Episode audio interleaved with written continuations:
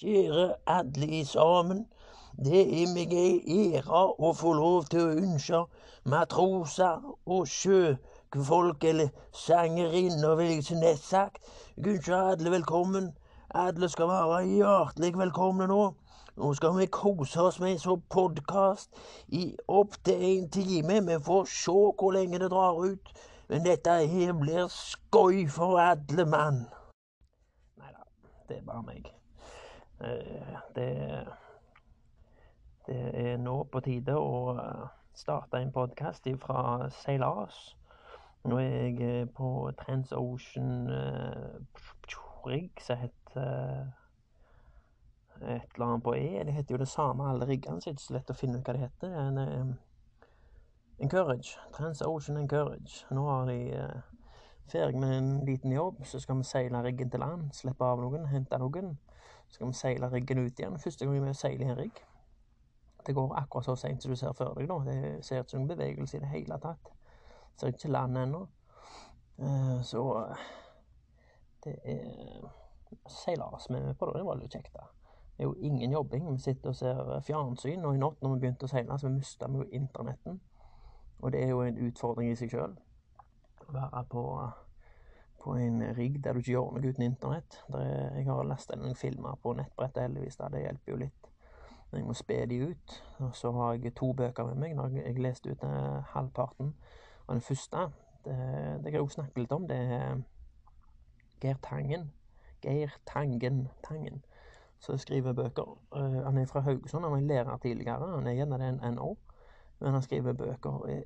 Sinnssykt bra bøker. Kjempespennende og godt skrevet. Og det handler om Haugesund, da. Det alt skjer i, i, i lokalt for oss. Så hvis du er ute etter bøker, så det er en triologi. Den første heter Maestro. Den andre heter noe annet. Og den siste heter Dødmanns tango. Utrolig bra bøker. Og det, du tror du vet hva som skal skje hele veien, og så snur det seg, og det snur seg, og du kommer ikke unna at det, det, er sinnssykt bra skrevet. Spennende. Det er litt kjekt òg når du kan eh, Når du ser for deg hvor de kjører i, i bok og litt forskjellig eh, scenario der du faktisk vet hvor de er. Så det er en ny opplevelse og ganske spennende. Så hvis du er på jakt etter bøker, prøv Geir Tangen. Jeg tror kanskje han har skrevet noen andre ord, men det, det var bare helt tilfeldig. Jeg eh, pitla opp den uh, Maestro Nei, ikke Maestro. Den Hjerteknuser heter boka to. Jeg var ute på en rigg der jeg visste det var lite nett, og jeg hadde bare litt igjen av ei bok. Da leste jeg 'Drageløperen'. Visste jeg kom til å bli ferdig med den, så da tok jeg opp ei bok som var på flyplassen, og så bare helt tilfeldig, og så var det ei Gert Hangen-bok. Og eh, sinnssykt spennende. Den leste jeg ut på to dager, tror jeg, og jeg er en dysletiker. Så hvis du får meg til å lese ei bok, så er du god, holdt på å si. Jeg er litt flinkere å lese i siste året, men det, det måtte litt til for å gidde å sette seg ned og lese ei bok. Flytrigg er jo perfekt. og er det mye venting og lite jobbing. Og redusert internett, eller sånn som nå, null internett. Så jeg vet ikke hvordan Jeg har rykter om at i åttetida i kveld Nå er klokka tre ett, ikke det? Nei, tre òg. Så har vi sittet oppe og sett på fjernsyn. Jeg har ikke sett på fjernsyn siden jeg bodde hjemme. Og det var litt fascinerende. Hun så eh, Sinnasnekkeren. Det var jo sinnssykt kjekt program. Jeg, eh, jeg kjente jeg fikk litt sånn der uh, Hjertet i halsen, holdt på Jeg kjente det ble litt sånn i, ørekroken når de, når de hjalp de å huse det som de var i. var jo helt fiasko. Og han er jo så brutalt ærlig, han uh, snekkeren. Så det, det var et kjempekjekt program. Men det, var, det minte litt om det der Move that bus! Det som gikk på Uniten i, på fjernsynet tidligere. når de der var det jo helt på kanten. Der var det jo sånn en hel familie som ikke hadde armer og bein. De bare, de bare kjørte rundt bygde de huset, de tilpasset jo 10 000 til det. Bare, ja, we didn't have no arms or legs, so we built you an aquarium. Now you can swim around, swim around like, like, uh, like glass manettes all day long. We have a little feeding cage. You can get uh, spaghetti if you want. You just push the button with your with your nubs, since you don't have arms or legs. And you, you it comes out on plate. Han håser seg på rundt, sprang rundt. Han var egentlig mer i veien, syns jeg, da, på hele serien. Jeg mener han fikk et, et, uh, et rom som var hans prosjekt, og det fikk vi liksom ikke se før slutten. Det, det, de lagde jo helt sinnssyke hus. Jeg kan ikke se for meg at det liksom Det var jo folk uten jobb, og jeg så pianist, liksom, så hadde du klemt fingrene da, og mista alle fingrene når det luka på pianotangentene datt over. Det var bare altså, superheldige folk. Stort sett med low income, at de mest ikke har penger, da. Bygger de palass, da, for det er jo enkelt å vedlikeholde. Så de har sikkert solgt husene sine, men sikkert med profitter. Men det var jo helt vanvittig hva hus de bygde, liksom. So good. We heard you liked Super Mario, so we built you a Super Mario themed room. Det er kjekt når du er åtte. Når du er 15, da er 16-17. Nei, Super Mario var jo feil, da. Barbie, for eksempel. Hvis du er jente, da, eventuelt. Jeg hadde jo søster, jeg har to eldre søstre, og de hadde jo Barbie. Så jeg fikk jo en Ken, da, så jeg har jo lekt med Barbie da jeg var liten. Kom igjen, det er ikke et sjokk for de aller, aller fleste. Jeg skal bare passe på at den mikrofonen her ligger fritt i lufta og sånt. Uh, jo, men der, når de moved that bus, da da klarte ikke jeg å holde meg, iallfall. Da var det tårer hver gang du så liksom de der som hadde fått et akvariumhus, ikke hadde armer som Symtrons delfiner. Det var jo sånn synd på de folka, og de var jo så sinnssykt glad for å få, få et palass. Men kunne tenke oss sitte sånn så uh, Pimp My Ride, det var jo litt det samme. Der uh, fiksa de jo biler da, til folk som ikke hadde De hadde vært vrak, så fiksa de opp så sinnssykt. Og der var det jo akvarium og kaffemaskiner og alt inni huset. Men så, tok de sånn uh, et år etterpå for å se hvordan det hadde gått med bilene. Og det var jo det var noe vrak igjen. De, de kunne jo ta vare på ting. Det er jo, det er jo ofte sånt. Så det går litt igjen. Det, når du ikke har bygd noe sjøl, setter du ikke pris på det like mye. Det går søvnløst nå. Det, var at Geir Tangen var noe hadde skrevet ned det, så det var godt å komme inn på det. Nå kan jeg viske det vekk. Og så har jeg sett fjernsyn, ja. Og så så vi jo Two and a Half Men. Og skal jeg telle på fingrene hvor mange ganger jeg lo av det? Null. Det er Jeg og Ken snakket jo om. Eh, det det jeg er litt redd for på dette greiene her, at jeg kommer, kommer til å si ting igjen, for jeg husker ikke hva jeg har snakket om. Uh, så ja, Two and a Half Men er for Og ja, det Jeg har investert en del nå i, i mikser og, og mikrofoner. Jeg kjøpte røde, eller Road det skulle liksom være det beste. Så nå har jeg eh, hevet en god slant i dette, her, så det skal bli god lyd framover. For det er det som jeg eh, irriterer meg på, er at det er dårlig lyd i den podkasten. Dritdårlig lyd. Så nå skal det Nå kjøpte jeg det som var det beste det var, som var, og satser på at det nå blir det bra. Men der der fikk jeg med sånn på lydbordet, der så er det sånn knapper da, så kan jeg legge inn lyd der. En episode der, der skal jeg legge inn latter på boks. Så kan vi se. Jeg skal ikke gjøre det lenge, men jeg skal prøve i hvert fall. Så skal du se hva jeg mener med latter på boks. For det, det er grusomt å høre på. Eller enten det, eller så må jeg lage en episode der jeg teller alle latterboksene, for jeg tipper det er 60 sekunder i et minutt, og da er det 70 latter på boks i løpet av minutt på den drittserien her. Men vi fokuserer på det positive, skal vi se. Andre ting vi har skrevet. Eh, jeg har skrevet mye, men det er jo greit at det går litt i Så jeg har Sinnasnekkeren har skrevet, det og kan jeg jo hviske. Det syns jeg var en fin fyr, altså. Han, eh, han eh, setter liksom i gang de folka som skal, skal, ha disse husene.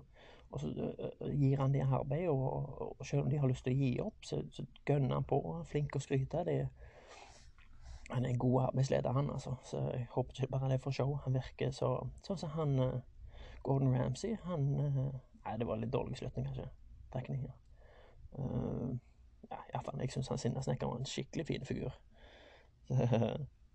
Sånne folk er bra. Jeg synes, Ja, kjørt en Ford Ranger og sånn bil har jeg litt lyst på. Oransje pickupen. Og det var en Wild Track. Ikke noe han hadde. Kjøper som en dreit, han, ser du.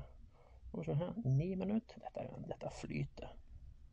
Uh, ja, nå skal jeg jo være på den riggen her i ja, iallfall ei uke til sikkert. Det blir sikkert litt overtid, så jeg må bare prøve å lage noen updates. Jeg vet jo ikke hvordan jeg skal få sendt dette her ut. Jeg håper hun får nett i kveld. Uh, så får vi bare satse på det. Så her skal vi skal jeg gå med en sinnssyk operasjon som er planlagt lenge. De, de mista noe i, i, De kjørte jo Wireline sånn som vi gjør. De kjører utstyr i brønnene for å eh, gjøre vedlikehold eller kjøre elektriske logger på, på brønnene. Så, så, skjedde det noe at stålveieren klumpa seg opp, og så måtte jeg klippe veieren. Så det ligger et par tusen meter med veier da, som vi skal fiske, som det heter. Kjøre ned med et verktøy som fisker dette her opp. Og det har ligget i åtte år, da, så det er jo spennende. Er det rosta vekk? Er det og så er det så sinnssykt stort, dette her. Det utstyret vi skal ha, det er lagd kun for den jobben her. Det er hjulene som kablene går i. Og det tåler ufattelig med vekt. Så det, er hjula, som vi kaller for skivhjul, de, eh, de har eh, Jeg vet ikke hva de normale tåler, men disse her, de veier De normale, de lufter jo. Det er, de 15-20 kilo, da. Disse her er 300 kilo. Det, det er helt rått. Dette blir et spennende prosjekt å være med på. Det er mange som har hatt lyst til å være med på dette, så jeg er jo kjempeheldige da, at de det, at jeg har fått bli med, bli med på dette. Så nå, nå, er vi to på hvert skift. Så nå skal vi gå til fire mann på hvert skift. Og det er jo det er kjempemye for en flyterigg. Faste installasjoner så er det jo det er jo normalt å gå tre mann på hvert crew dag og natt. Med mindre vi kjører loggjobb, da har vi logger ekstra.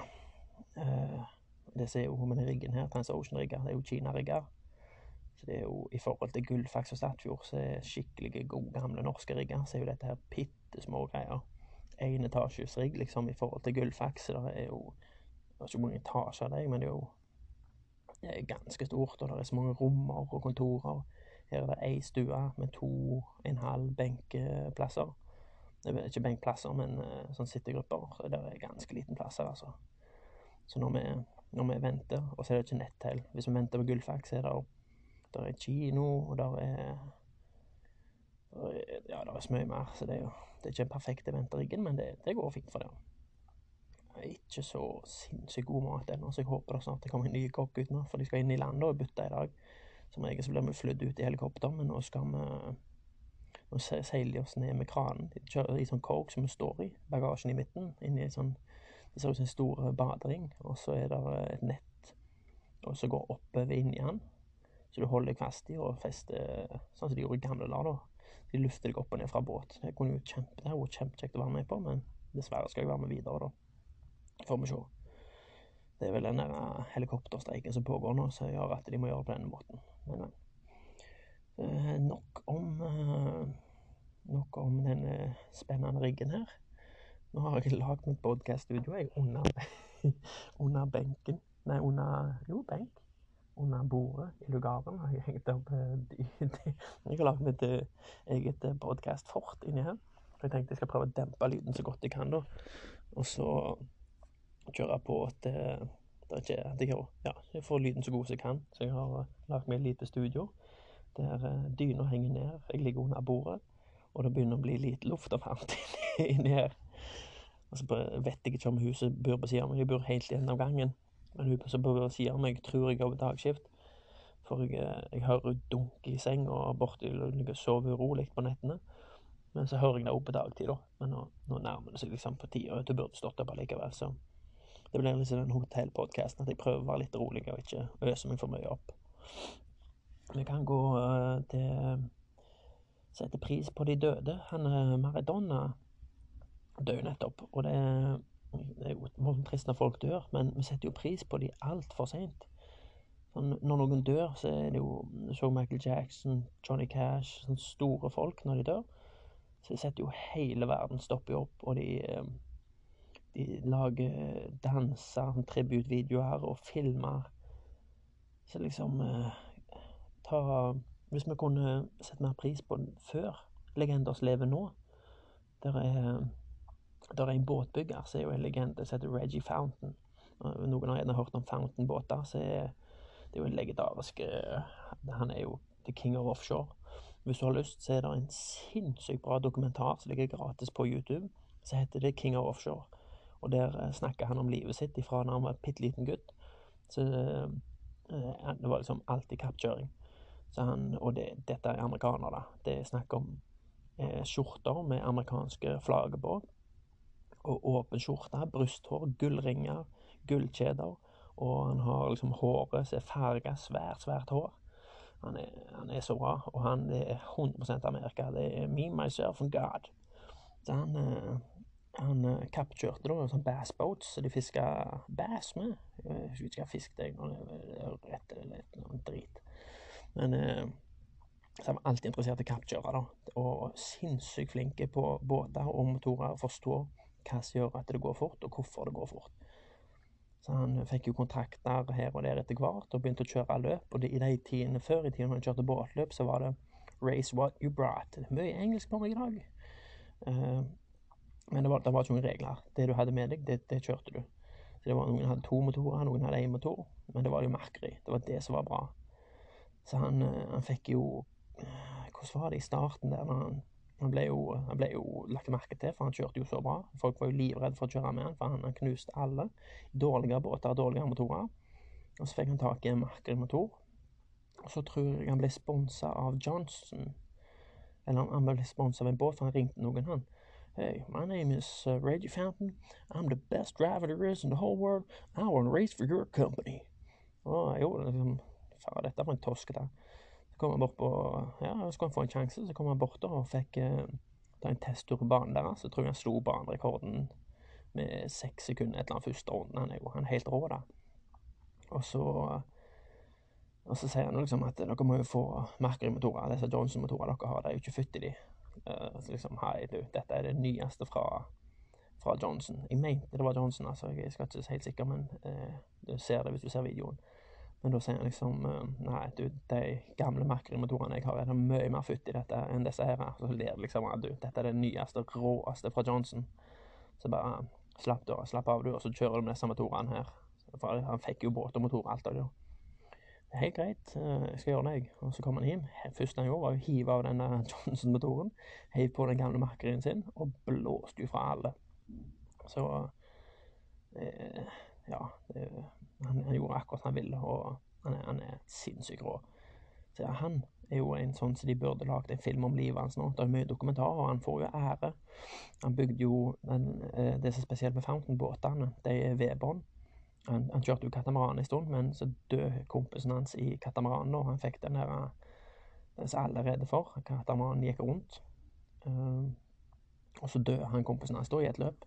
Og da, da sverger han liksom at han skulle aldri lage en katamaran igjen, for det er altfor farlige båter. Og han har poeng for det. Det er farlige båter hvis det der skulle skje, i høy fart. Ryker hodet. Uh, men uh, uh, hvor var jeg da? Jeg tenkte på en video nå. det er en video på YouTube der noen kjører langs stranda i Miami, hvor da? Miami. Og så kommer de, og så får de litt letting, og så ser du to stykker. De bare fyker ut, begge to dør dør, dør i den videoen, tror jeg. Jeg har drukket meg kaffe at jeg ligger og hikker og herjer her. Um, men uh, ja, Reggie Fountain, fantastisk. Så det istedenfor at uh, Jo, det var det jeg snakket om. Jeg begynner å bli bedre og så holder han på ett emne, men det, er vanskelig, da. Uh, han, han, har jo bygd de båtene som ser ut som et ørene er nesten framme. Du ser det voldsomt på i, i vedbåndene hans. Så går fronten går ikke bare rett opp, men han går opp og så går han utover igjen. Og det er for at båtene ikke skal stupe inn i bølgene. Og hvis de treffer bølger, så skal de fære opp og ikke inn i bølga. Og det var det som gjorde eh, mye av båtene hans det er så fantastiske da, og sjødyktige i forhold til andre konkurrenter. Så de har, de har masse masse kule da, båtene fra 80-tallet. Litt sånne hydroliftene vi har i Norge, T20 og sånt, de er ennå kule. De ser tøffe ut en dag i dag, og det, det er bra utstyrte båter, og det, det er knallbra.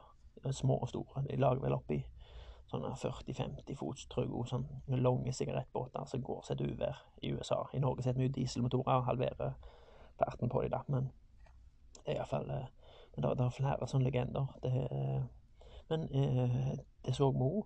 Vi så på sånn ambulanse eh, Nattpatruljen i London, eller hva fader det heter. Sånn ambulansearbeider, iallfall.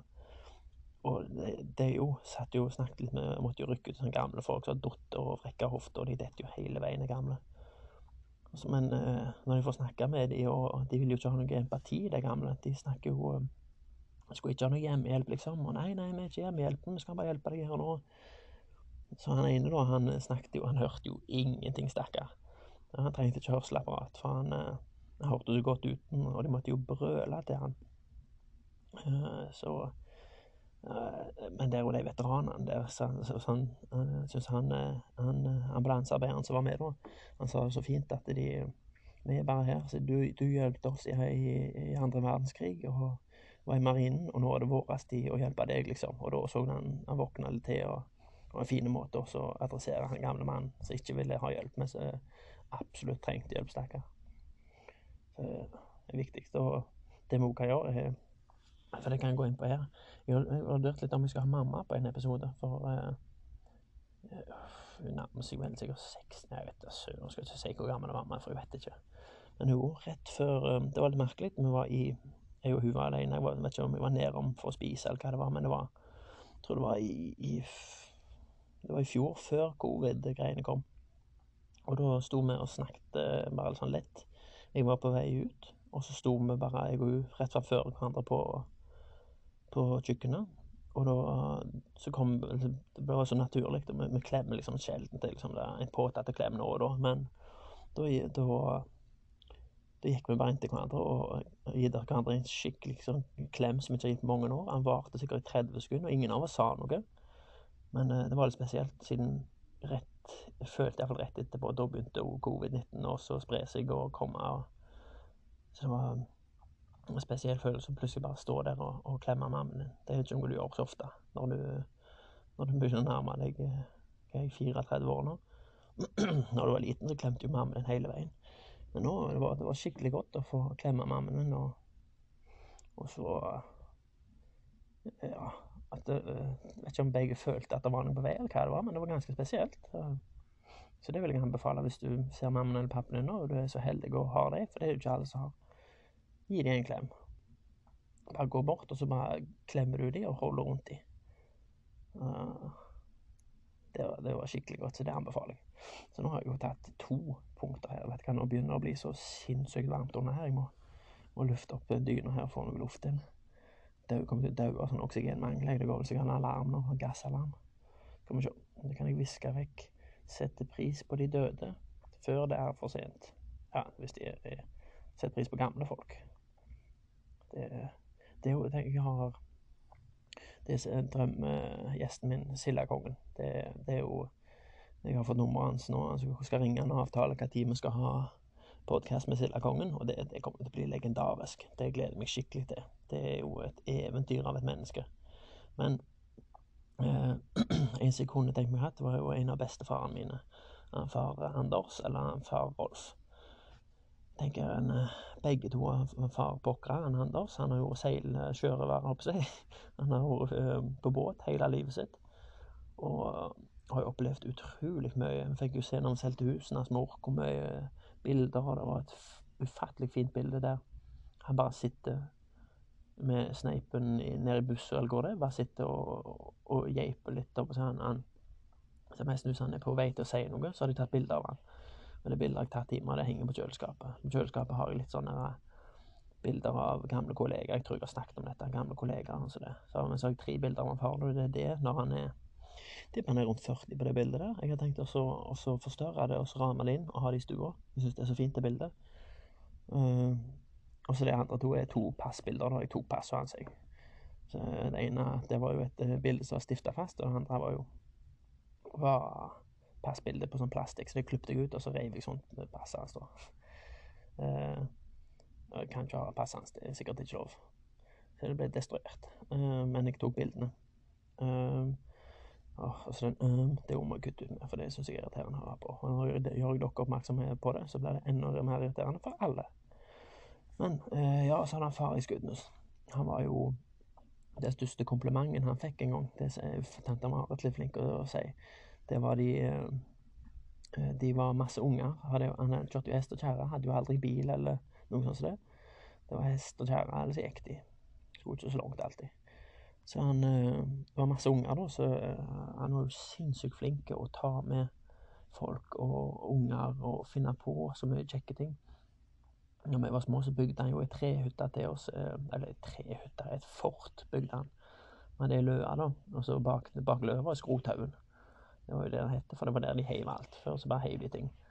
Men der hadde jo han bygd et palass med toetasjes uh, greier, med hemmelige inngang.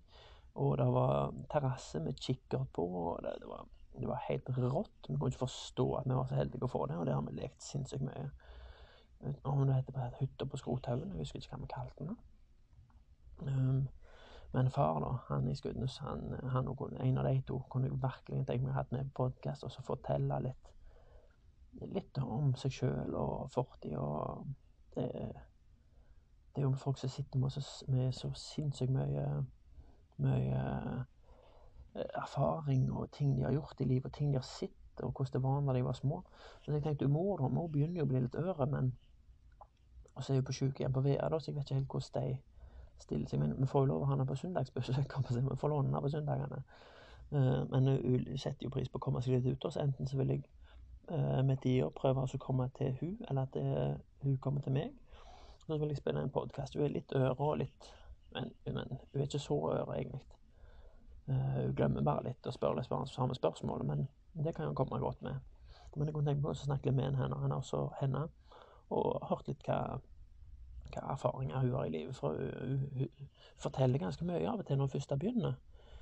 Og det, det, er jo kjekt for de å mimre litt og, og, bli satt pris på. Så det, det tror jeg hun kan like. Så da kan vi se Var det et punkt? Mm. Jeg kommer kom på noe av meg sjøl nå. Det er jo eh, Det er flere som jeg har planlagt å, å ha på podkast nå, da. Så det, jeg tror det vil bli kvalitet utover. Sånn som disse her må jeg bare eh, ta opp og legge ut for oss og ha en litt kontinuitet, at jeg ikke glemmer meg ut. Så jeg skal ikke være altfor lenge der alene, men eh, nå, har du, hvis du holder på nå, så har du støvsugd i 26 minutter.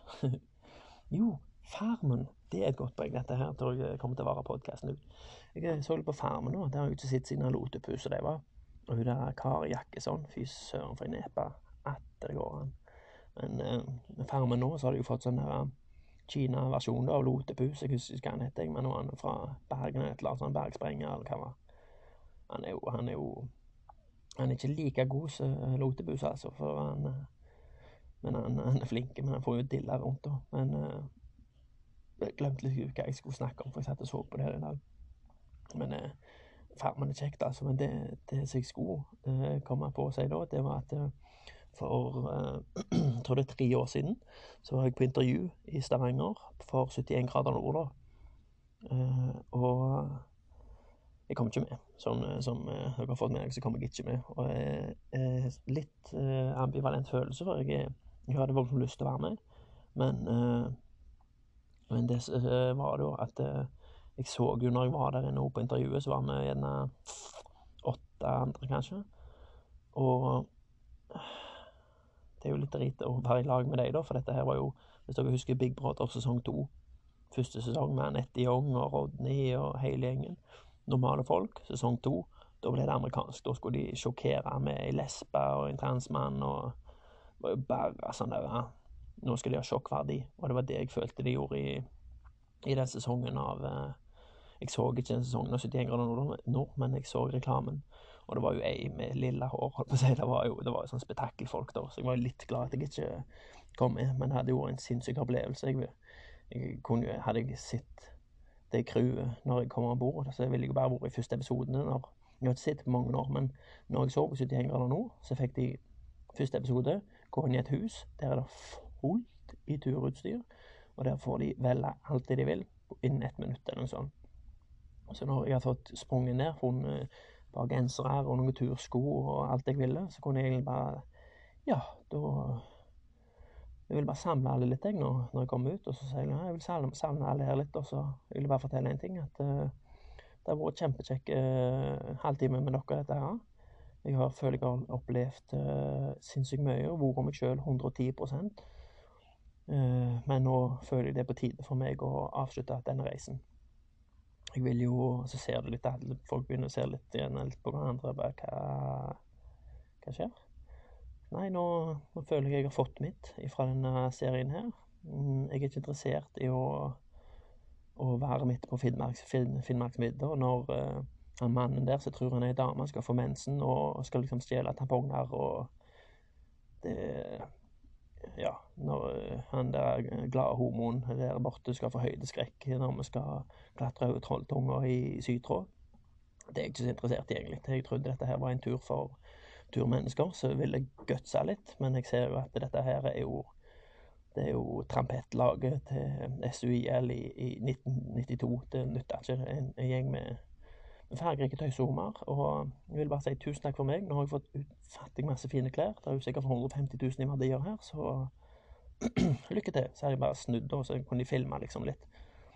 Du ser bare at jeg forsvinner litt i horisonten der borte med bæreposer med klær og turting. Så hvis jeg hadde fått vært med, så jeg hadde iallfall det vært et alternativ. Bare tatt, tatt ting, og så flette i berganssekken min der, og blanke sko. Det er dyrt med turklær. Det er jo en farme, da kan jeg viske den vekk. Bare se hvor lenge jeg holder på med om vi skal ta ja, en halvtime. Vi kan ta en historie til. Å, vet du hva? Uh, uh, nå lagde jeg lyden, men det jeg kan ta Jeg har fått et spørsmål om jakt der jeg har fått innsenderspørsmål, og det syns jeg er dritkult. Det har jeg jo spurt om jeg ikke kan få lov til. Nå skal jeg pause podkasten, skal jeg prøve å spille av dette her, og så skal jeg svare. OK, vent litt, da. Hallo, Roy. Du, du nevnte jo dette med litt sånn jakt og sånt, og du vet jo at jeg er voldsomt interessert i det. Så jeg lurte litt på hvordan det hadde gått deg med jaktåret ditt. Eller jaktåret jaktåret, det er jo fortsatt en måned igjen da, men lurte litt på hvordan det hadde gått. Gjerne du hadde en kjekk historie derfra. Kjekt å høre på deg. Dette er litt risiko, da, fordi eh, nå får jeg ikke dette til, for jeg har jo ikke internett.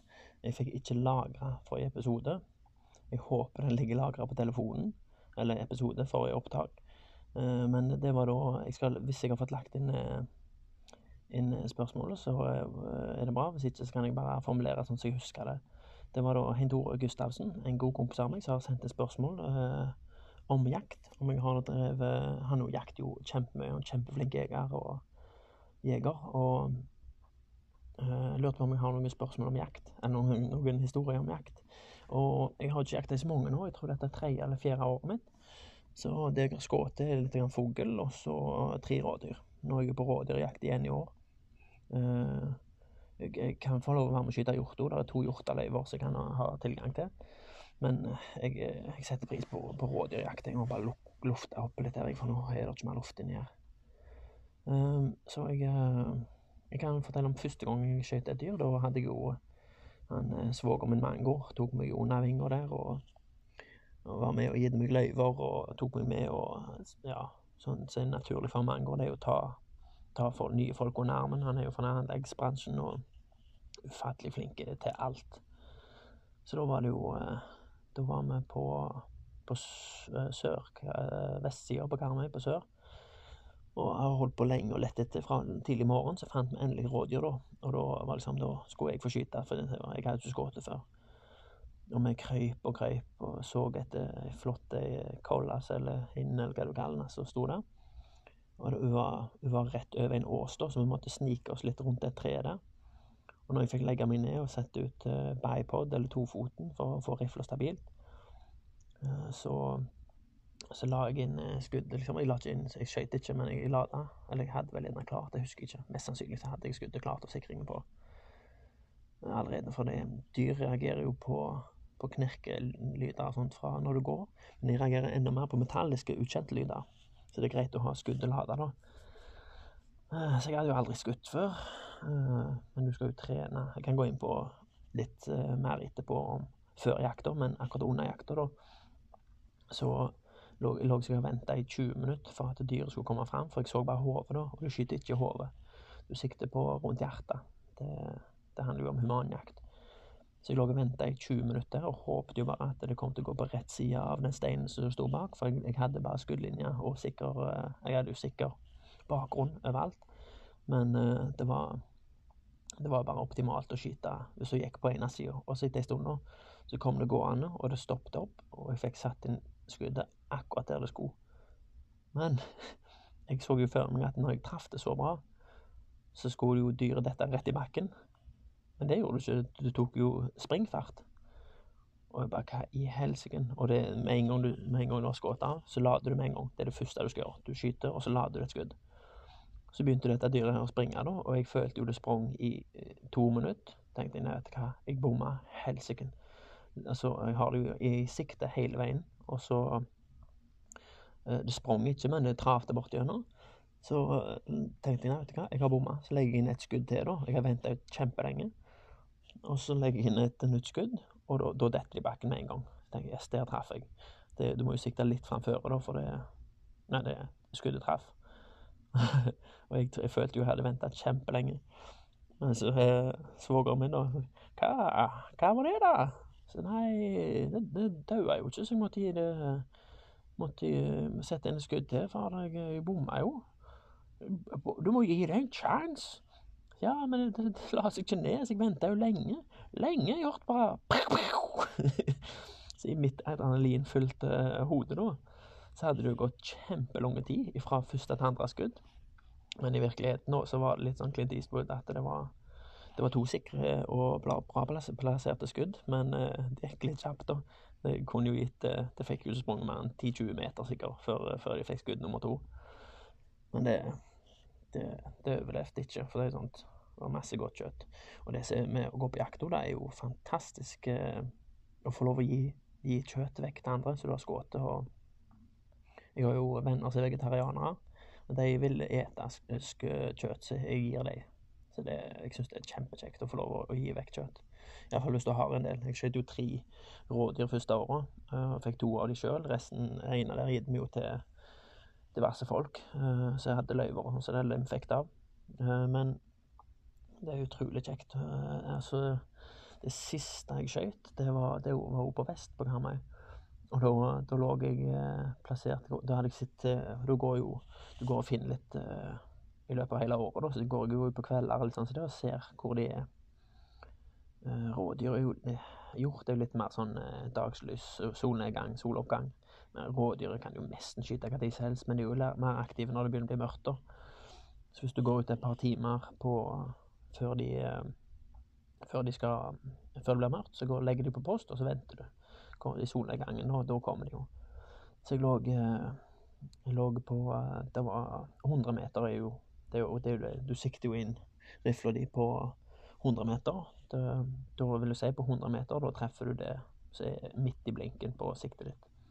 For skuddet vil jo gå oppover og så nedover, så det vil krysse eh, Ja, det går opp og så ned for at det skal komme av gårde, da. For gravitasjonen tar jo et skudd, så ifra du slipper et skudd ifra én meters høyde, så detter det jo like fort hvis du når du skyter det, eller hvis du slipper det, så det går ganske fort ned, men det går jo sinnssykt fort framover, da.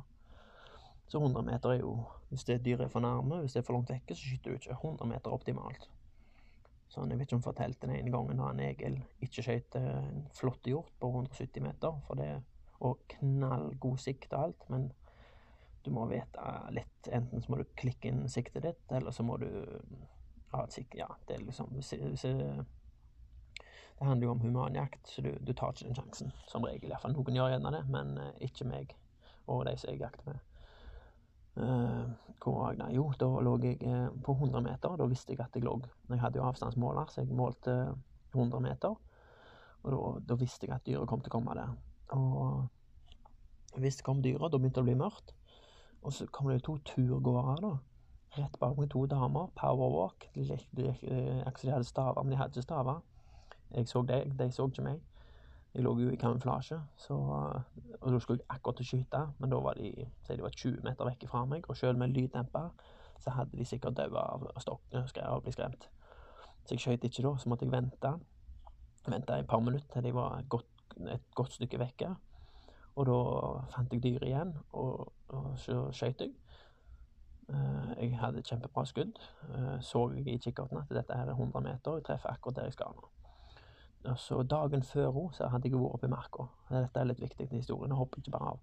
Uh, da har jeg, jeg har ryggsekken min. Der har jeg alt jeg trenger med kniver, filler og alt jeg trenger hvis du har skutt, eller hvis du skal lete etter dyr.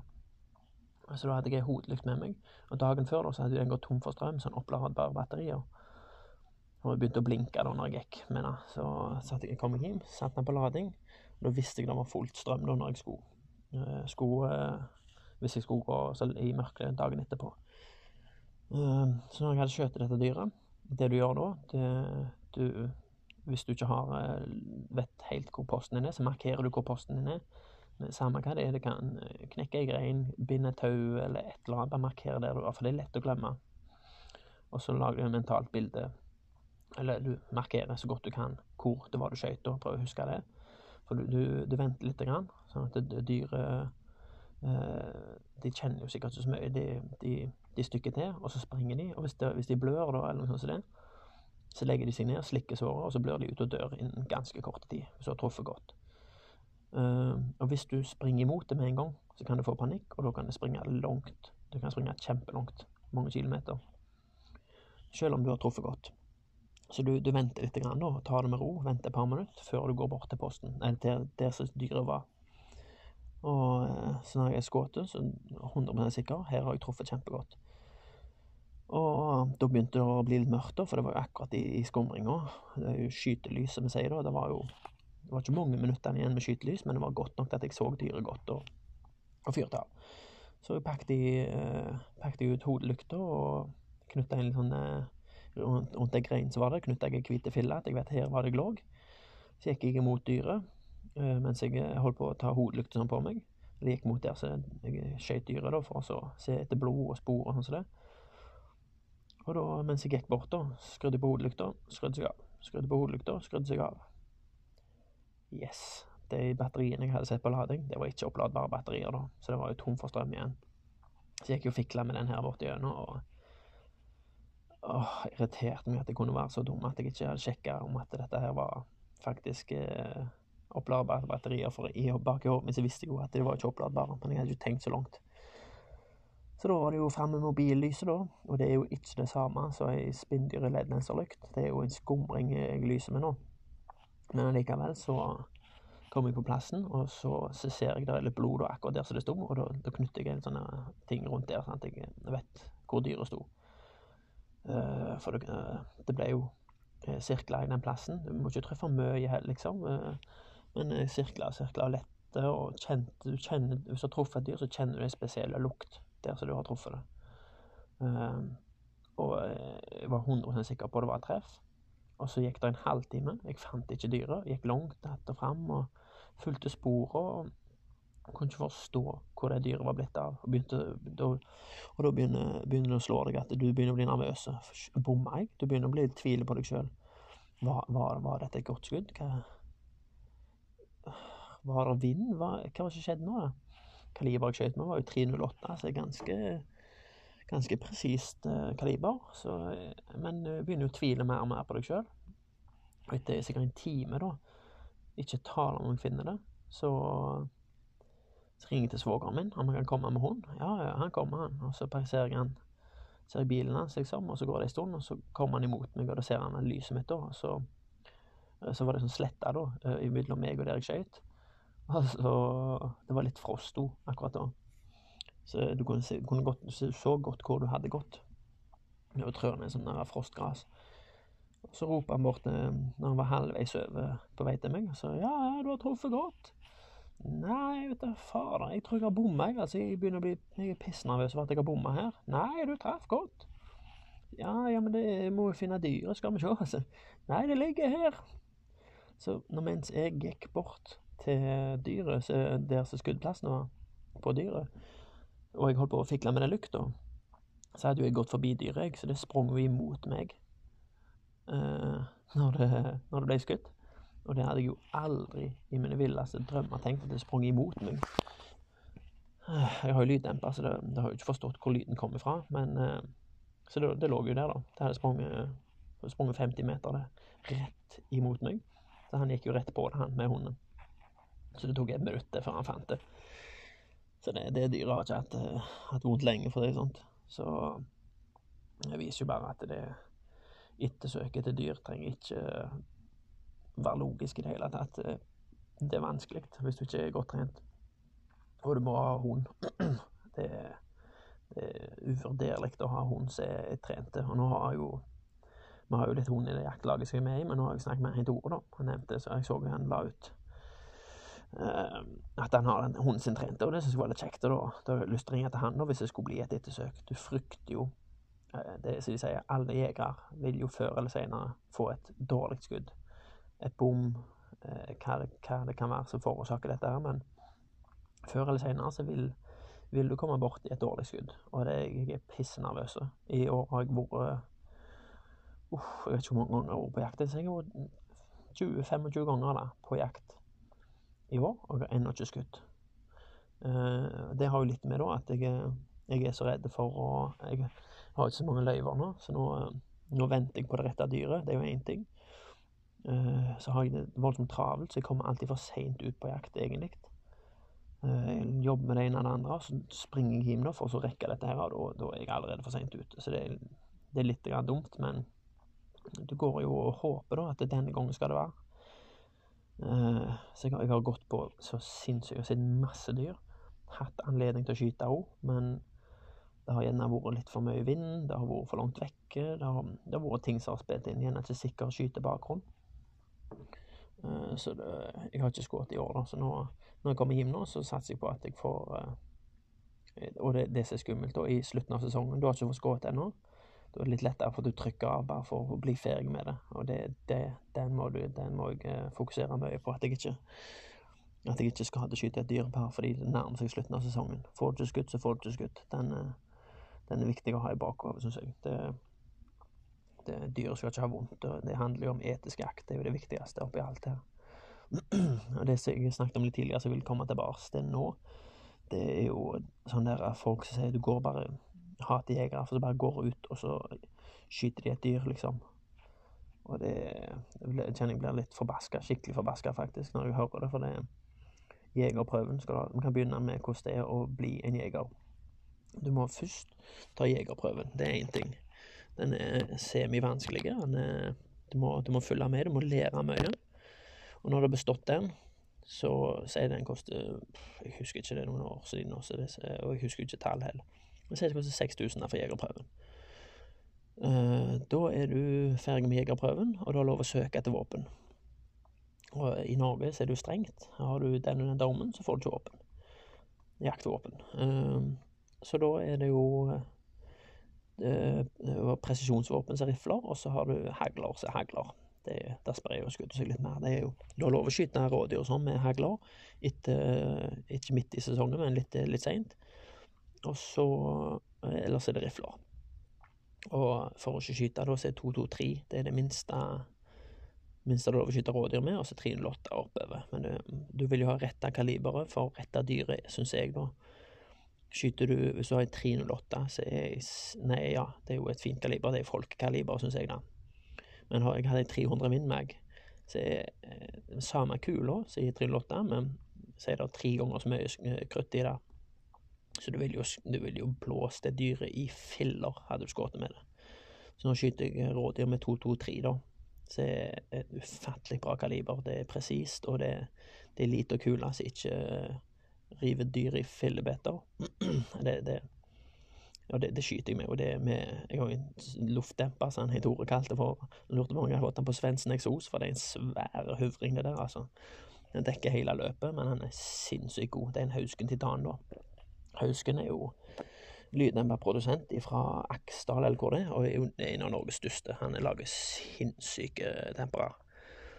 Um, men ja, da er det, når du har bestått jegerprøven, så skal du søke etter våpen, og skal du kjøpe et våpen. Er du heldig sånn som meg, så jeg fikk kjøpe Jeg kjøpte tre rifler av onkelen min med en gang, og det kom på eh, Jeg tror det var 24 000 jeg betalte, eh, og det, det var en sinnssykt god pris. Skal du er god, god rifle, så må du, du må opp i pris, og dette var kjøpte jeg 308, 300 Windmag, og så ei 346 lever action, og sånn cowboyrifle. Den kjøpte jeg bare med for å ha den, for hun var så kul. Uh, men uh, når du, hvis du har fått uh, ja, Hvis du vil skyte rådyr, da, da går du og kjøper deg Hvis du, hvis du ikke har noen i slekta eller kjøper noe brukt, så må du ut med 20 til Er du storkar, kjøper det til 60 000-70 000. Da er du klar for å skyte et dyr. Hvis du har fått våpensøknaden og alt godkjent, da kan du gå på jakt. Og, eller du kan ikke det, for først må du få tak i et løyve. Og du er ny jeger, kan du nesten bare glemme å få tak i løyve. Det som er bra med Karmøy kommune, de har eh, de, de avser noen løyver til nye jegere. Sånn at de, når jeg var med da, så fikk jeg være med Willy Solvang på jakt. En sinnssykt erfaren og flott mann til å være med på jakt. Og tok oss med også på post og fortalte litt. Og det har mye å lære. Selv om du har tatt prøven, så er du ikke utlært i det hele tatt. Slakting og alt det du skal kunne med døgngrader og Det var mye å lære. Så da, hadde han oss med på jakt, ganske mange. Jeg tror vi fikk to-tre løyver på rådyr. Eh, Men er du ny, så du får ikke tak i løyver. Lykke til.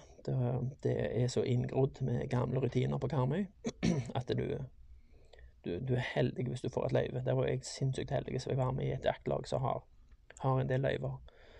Eh, Men du kan kjøpe på småvilt, da, så er fugler og hare og, rev. Eh, Mink. Det tror jeg koster 300 kroner, så kan du skyte ganske mye. Kan skyte selo. Og folk liksom eh, spør jo gjerne er det hare og rev, sel, på Karmøy. Og hare er det ikke kjempemye av, det har jeg ikke sett så mye av. Men rev er det sinnssykt mye av. Du, og det er jo skadedyr, så det holder etter. Eh, Seler nå er det jo masse, for etter krigen så, så spiste ikke folk så mye og jakta så mye sel. Og da fant de mye på øyene, men eh, nå etter jeg eh, Jeg har en kano da, som far min lagde når han var på yrkesskolen. Den har jeg brukt litt med onkelungene, og de har vært med på jakt, fuglejakt i den kanoen. Og jeg har sett mye sel. De, er, de er rett med syre og er rett inn i holmene, så de, selen kommer nærmere og nærmere inn nå, fordi det er ingen som jakter på dem lenger. Så sel kan du skyte. Eh, vi har jo den selen, og det er to typer som står litt stilt nå. En ser som en hund, andre ser som en eh, ikke hund. Eh, Steinkobbe og havert har vi. Men jeg har ikke vært på seljakt sånt ennå, men det kan du gjøre. Det, der selger, det er jo lett å få tak i løyver. Det, ikke, det kan alle få lov å kjøpe. Så lenge det er, så selger de ut. Men så er det jo turklær, jaktklær, spinndyrt, kikkert, spinndyrt. Eh, Jeg vet ikke hvor mye jeg har lagt ut i utstyret, men det, er ganske mye etter hvert. Altså, en god kikkert. Kikkerten er jo, eh, utenom rifla, så er kikkerten det viktigste du har på jakt. Det, du, du bruker ikke kikkersikte på rifla til å sikte med. Det, det gjør du ikke. Det er ikke etisk forsvarlig. Skulle du komme borti, og den går av, ja, så kan du selv tenke deg, det kan skje forferdelige ting. Så du, eh, du kikker kikkerten, og en god kikkert, den begynner på 5000, den.